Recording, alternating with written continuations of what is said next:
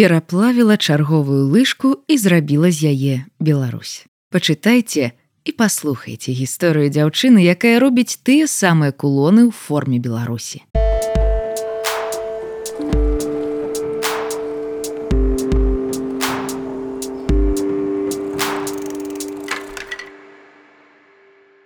Сашай мы пазнаёміліся роўна паўгода таму. Нам прапанавалі зняць яе для касметычкі. Мы пагадзіліся. А сёння Саша з усмешкай называе сеці-док хроснымі бацькамі ўпрыгажэнняў беларускі край. Пра брэнды пра яго матулі, як называе сябе дзяўчына і пагаворым. Другі раз мы сустракаемся з Сашай далёка і ад яе роднага навагрудка. На адным з пальцаў дзяўчына носіць пярсцёнак з выбітымі каардынатамі горада. І ад мінска, дзе мы бачыліся ўпершыню. Гэтым разам мы ўдбіліся. Тут Саша ўжо больш за год. Улетку 2020 на адным з беларускіх парталаў з'явіўся ролик са мной, які разышоўся па ўсім байнеце. Відэа набрала дзясяткі тысяч праглядаў. Мне пісалі ў інтэрнэце пра яго казалі ў навагрудку. Яшчэ да таго ў мяне быў зацяжны перыяд бяздзейнасці. Мне было цяжка чымсьці займацца. А пасля я і зусім перастала бачыць зразумелую будучыню, якой магла б рабіць нешта карыснае і дапамагаць людзям. Прыкладна ў той жа час я пазнаёмілася з хлопцам з Амерыкі. Мы вырашылі з'ехацца і пажыць разам. Пачалі шукаць краіны з адкрытымі межамі і ў нейкі момант аказаліся перад выбарам паміж Мексікай, Венесуэлай, Турцыяй і Грузіяй.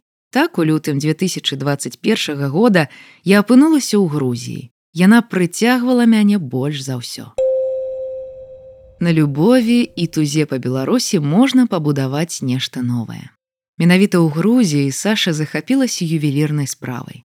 Раней яна пра гэта і не думала, але як нядаўна даведалася дзяўчына, гэта ў яе ў крыві. Аказалася, яе дзядуля быў ювелірам і ствараў вырабы са слановай косці. Я ўбачыла тут мора магчымасцей, расказвае Саша. У Грузіі шмат рамеснікаў, якія працуюць з каштоўнымі металамі і камянямі. А ў Беларусі гэта складана, гэта ліцэнзаваная дзейнасць, з якой шмат праблем. Спярша мне было проста цікава. Вау, можна ўзяць лыжку, пераплавіць яе і зрабіць пярсцёнак. Першы час я гэтым і займалася. Знайшла настаўніцу, атрымлівала базавыя веды і рабіла вельмі простыя ўпрыгажэнні. Але чым даўжэй я жыла ў Грузіі, тым вальней і лепш я сябе адчувала. Я стала задумвацца над тым, што я наогул за чалавек што мяне цікавіць, што цягне. Толькі тут я зразумела, што я вельмі творчы і дзейны чалавек. Грузіны наогул не прывязаны да сваёй дзяржавы, яны жывуць нібы паралельна адзін аднаму. Самі выбудоўваюць сваю ідэнтычнасць, самі ствараюць сваю культуру і самі яе захоўваюць. І вось калі я зразумела, што гатова рабіць нешта большае, чым проста пярсцёнкі, я пераплавіла чарговую лыжку і зрабіла з яе Беларусь. Я зразумела, што любоў да яе і туга па ёй нікуды не падзенуцца, яны заўсёды будуць ува мне. І на гэтай любові і тузе можна зрабіць нешта новае. Так і нарадзіўся беларускі край. Мае кулоны носяць сапраўдныя беларусы. Пакупнік беларускі край гэта такі зборны вобраз беларуса. Няважна, дзе ён знаходзіцца ў Беларусі ці не, але ён ужо адчуў сябе менавіта беларусам ці беларускай. Ён любіць Беларусь, ён ганарыцца сваёй беларускасцю. Ён хоча пазнаваць Беларусь сам і знаёміць ёй іншых, паказваць яе, гаварыць пра яе, дзяліцца ёю. Мае кулоны носяць сапраўдныя беларусы. За першы месяц пасля інтэрв'ю вам я адправіла 30 кулонаў па ўсім свеце у Амерыку, Ізраіль, Англію, Францыю. Спярша я нават здзівілася, што заказаў з-за мяжы было больш, чым з Беларусі, а потым зразумела, што ўсе гэтыя людзі, як і я, тужаць па Беларусі. Чытаюць яе сМ, імкнуцца заставацца ў яе рэчаіснасці. Нейкі час усё працавала па сарафанным радыё, а я займалася ўсім сама.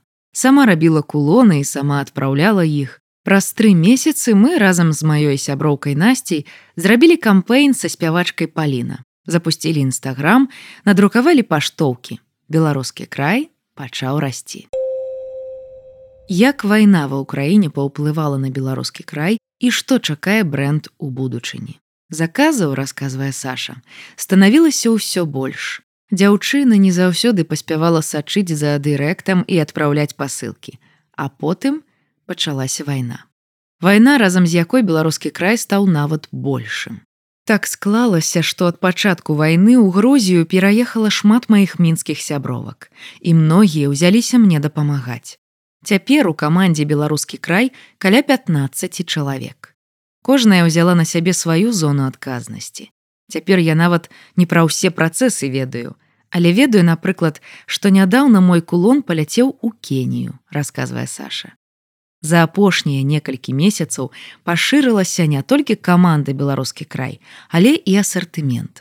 Прама зараз, акрамя тых самых кулонаў Беларусь можна заказаць яшчэ і ў прыгажэнні ў форме унескладовага, але і гэта не ўсё. Нядаўна хлопец заказваў сабе кулон Беларусь і спытаў, ці можам мы зрабіць яшчэ і ў прыгажэнні ў форме ўкраіны для яго жонкі ўкраінкі. Яшчэ мы рабілі тры зуб для жэні мелькоўскага з групы нервы.